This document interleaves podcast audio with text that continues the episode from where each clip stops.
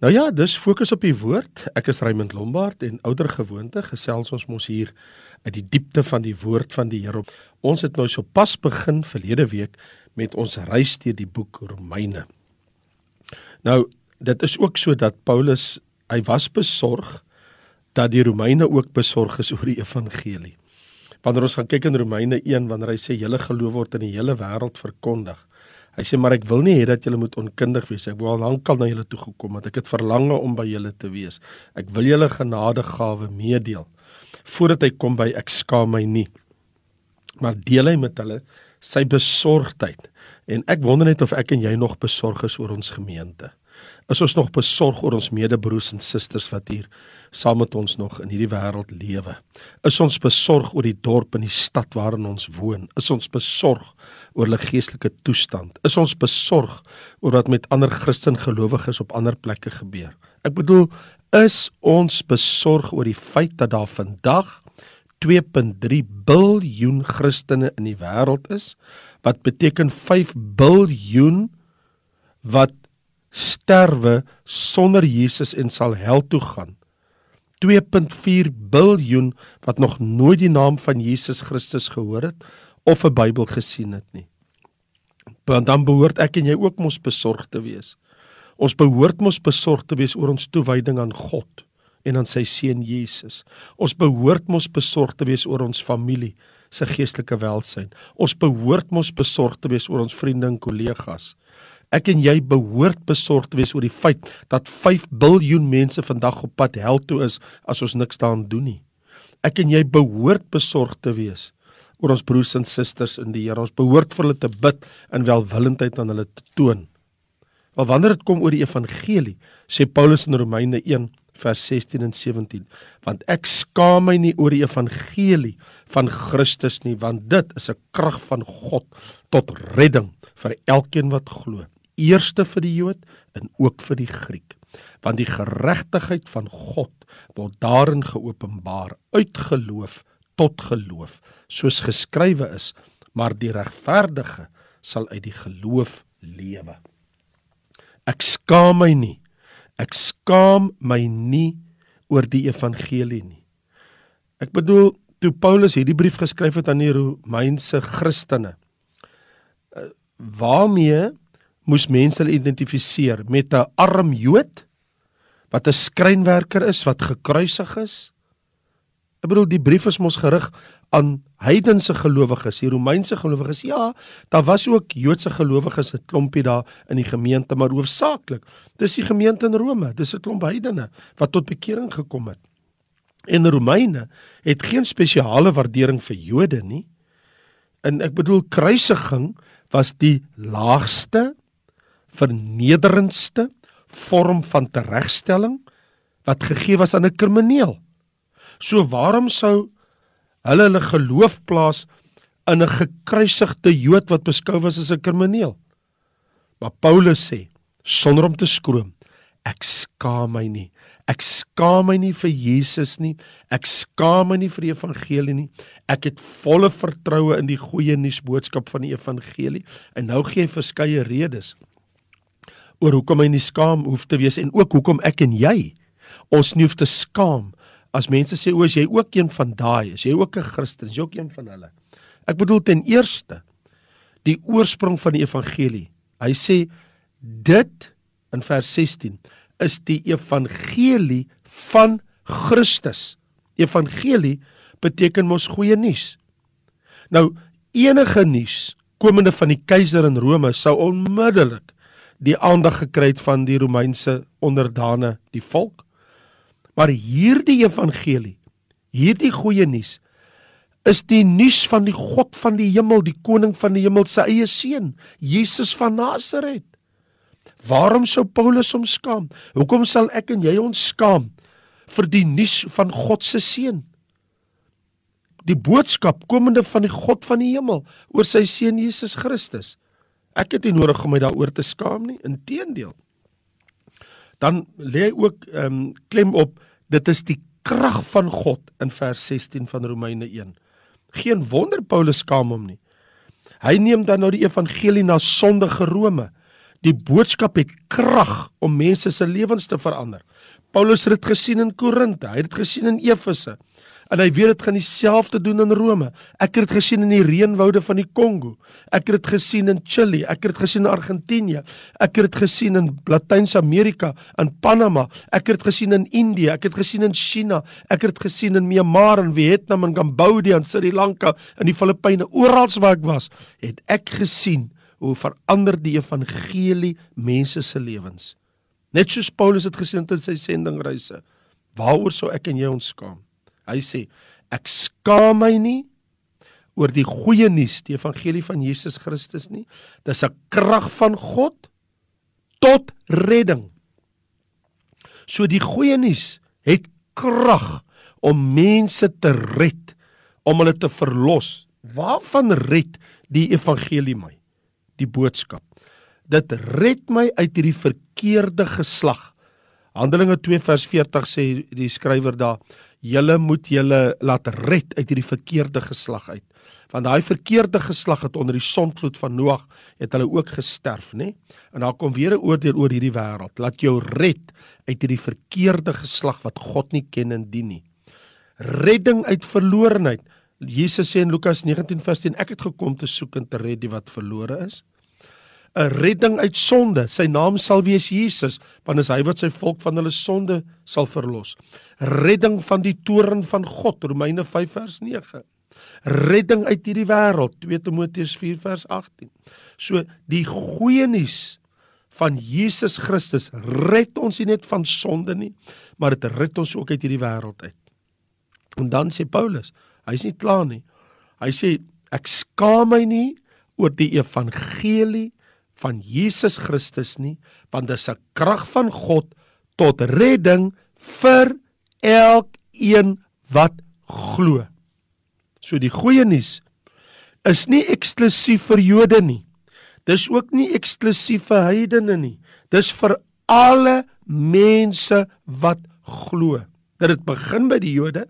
Jesus sê dat Die saligheid is uit die Jode in Johannes 4 vers 22, maar nou moet dit geneem word na alle nasies. Alle mense gaan heen maak disippels van al die nasies. So wie is al hierdie mense? Dis die mense vir wie Jesus Christus gesterf het. Dis die mensdom. Dis vir hierdie wêreld. So wil ek ook net sê God vra nie vir my en jou om ons te gedra nie, om reg op te tree as ons gered wil word nie. God vereis van ons ons moet glo as ons gered wil word. Dis die goeie nuus, die evangelie van Jesus Christus tot redding vir die wat glo. Dis wat die Here sê. En nou hier is die sleutel vir die hele Romeine brief in vers 17. Want die geregtigheid van God word daarin geopenbaar. En hier maak Paulus die hart van die saak oop. Dis die hart van die hele Romeine brief. Geregtigheid. En die woordjie geregtigheid word 60 keer gebruik in al sy verskillende forme in Romeine. God se geregtigheid word geopenbaar in die evangelie. Hoekom? Hoe gebeur dit? Omrede die dood van Jesus, sy kruisdood, word God se geregtigheid openbaar deurdat God het sonde in Christus gestraf. So Jesus se kruisdood vat die straf weg van my en jou en God se geregtigheid kan nou oor ons skyn. So deur die opstanding Nie net deur die dood van Christus word God se regte geopenbaar nie, maar ook deur die opstanding van Christus word God se geregtigheid geopenbaar vir die gelowige sondaar. So dit beantwoord ook hierdie eeuoue vraag wat ek en jy en alle mense mee worstel. Hoe kan 'n heilige God ooit sondaars totaal vergewe en steeds heilig wees? Hierdie God. En die antwoord is die evangelie. Dit is wat dit is. Dit is die goeie nuus van die dood en die opstanding van Jesus Christus. En God se geregtigheid word deur hierdie evangelie boodskap geopenbaar. Hoekom? Deur die geloof of dan terwyl uit die geloof. Wanneer Paulus hier in vers 17 sê soos geskrywe is, die regverdige sal deur die geloof lewe, is dit eintlik maar ook 'n teruggryp, nê, na Habakuk 2 vers 4 want 3 keer in die Nuwe Testament, 3 maal, Romeine 1 vers 17 hierso, Galasiërs 3 vers 11 en Hebreërs 10 vers 38 word oor en oor gesê elke keer 3 keer die regverdige sal deur die geloof lewe. Daar is meer as 60 verwysings ook na geloof en ongeloof in die Romeinebrief. Omrede die enigste wyse waarop 'n sondaar voor God geregverdig kan word, is deur die geloof. Hy moet glo in die boodskap dat God se seun vir ons aan die kruis gesterf het, vir hom en vir haar aan die kruis gesterf het. En my vraag is: Is daar iets in hierdie boodskap waaroor ek my behoort te skaam? Dit het tog deur die eeue heen barbarisme verander in Christelike beskawings. Dit het deur die eeue heen slawe verander in vrymense. Dit het deur die eeue heen einde gebring aan gruwelike wrede offerhandes van mense aan heidense afgode. Dit het beskawings verander waar morele waardes ingestel is wat vroeër onmoontlik blyk te gewees het. Geen mens wat die evangelie van Jesus Christus aangeneem het en glo hoeveel enigsins te skaam nie. Allermins wanneer iemand teenoor 'n Christen, dan praat ek van 'n kind van God, die opmerking maak op 'n neerhalende wyse. O, is jy ook een van hulle? Is jy ook 'n Christen? Loop jy ook met die Bybel onder jou arm rond? My antwoord is ja. Ek is 'n Christen. En ja, ek dra die naam van Christus. Ons lees in die boek Handelinge dat vir die eerste keer is gelowiges daar in die boek Handelinge is genoem Christene want die gryp van die woord dat Christen in Antiochië vir die eerste keer Christene genoem is, beteken dan en dit is waaroor dit gaan, oor die feit dat daar in Handelinge 11 vers 26 gesê word en 'n hele jaar lank in die gemeente het hulle saam vergader. Dis nou Paulus en Barnabas en sy vriende en dan 'n aansienlike skare onderwys gegee. En die disippels is in Antiochië vir die eerste keer Christene genoem eerste keer ooit. Hoekom? Die mense na die mense wat die evangelie van Jesus Christus Christus geglo het, Christene genoem. So om te sê ek is 'n Christen beteken ek dra die naam van Christus. Om die naam van Christus te dra beteken ek moet lewe soos my Jesus geleef het. So hier is die uitdaging. As jy die evangelie glo, en jy's nie skaam oor die boodskap nie. Lewe dan soos 'n Christen leef. Jy weet dat die beste dinge in die lewe is verniet, né? God se liefde, God se genade, God se vergifnis en die ewige lewe, se gawe. Dis alles free, gratis and for nothing. Dis verniet.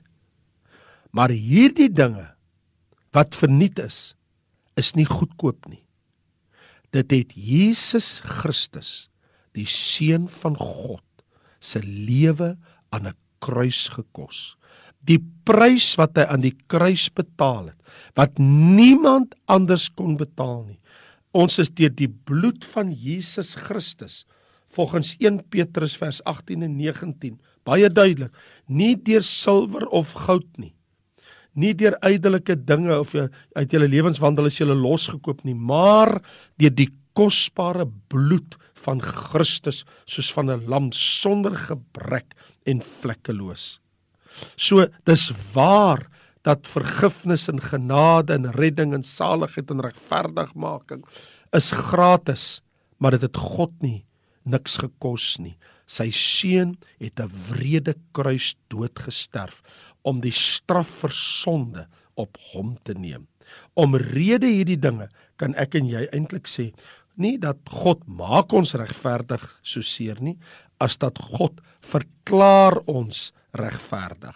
Daarom sê die Bybel, die regverdige sal deur die geloof lewe.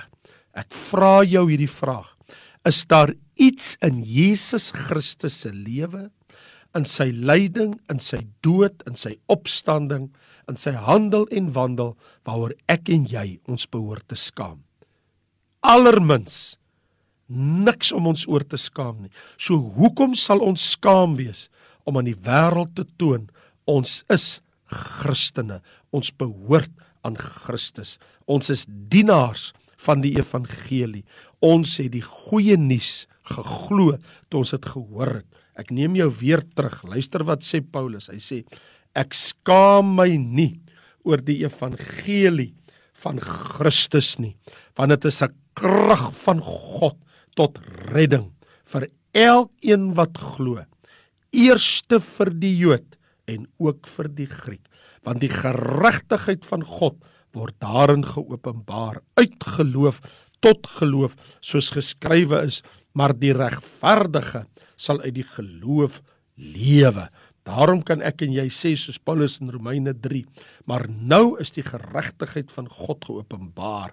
Die geregtigheid wat deur die geloof in Jesus Christus vir almal en oor almal wat is wat glo en hulle word deur sy genade sonder verdienste geregverdig deur die verlossing wat in Jesus Christus is. Hom het God voorgestel in sy bloed as 'n verzoening deur die geloof. En kan ek en jy nou ook sê wat Paulus in 2 Korintiërs 5 vers 21 sê, want hy God het hom Christus wat geen sonde geken het nie.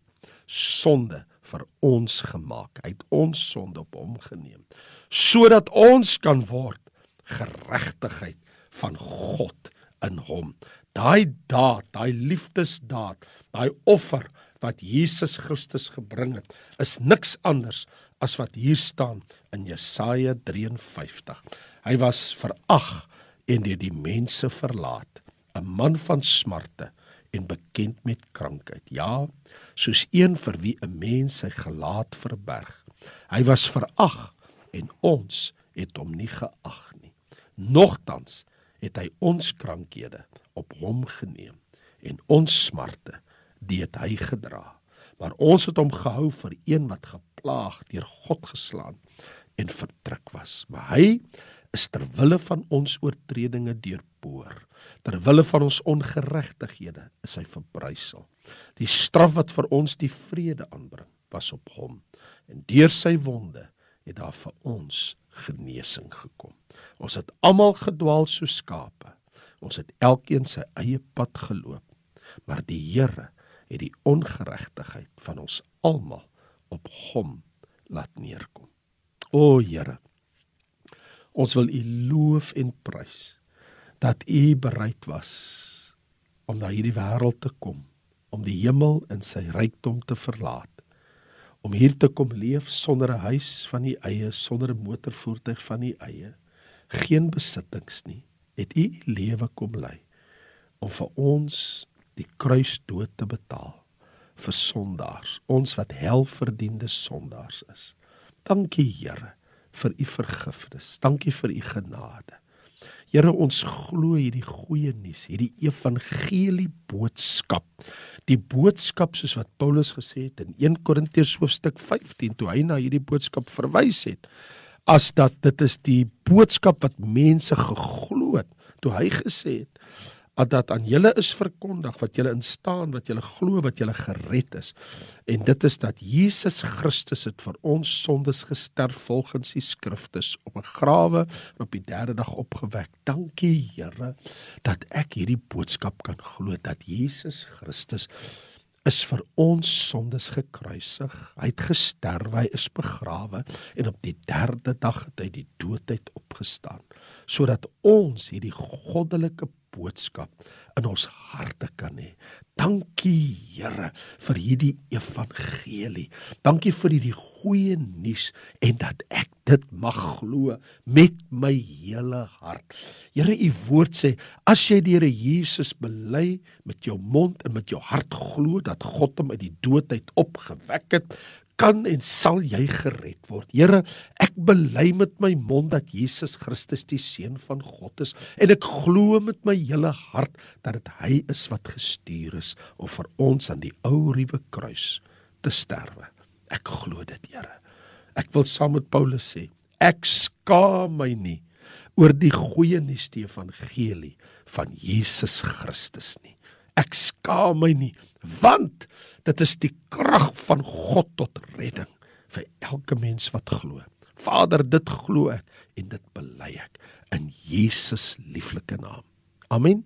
Seën volgende week gesels ons verder. Baie dankie en totsiens.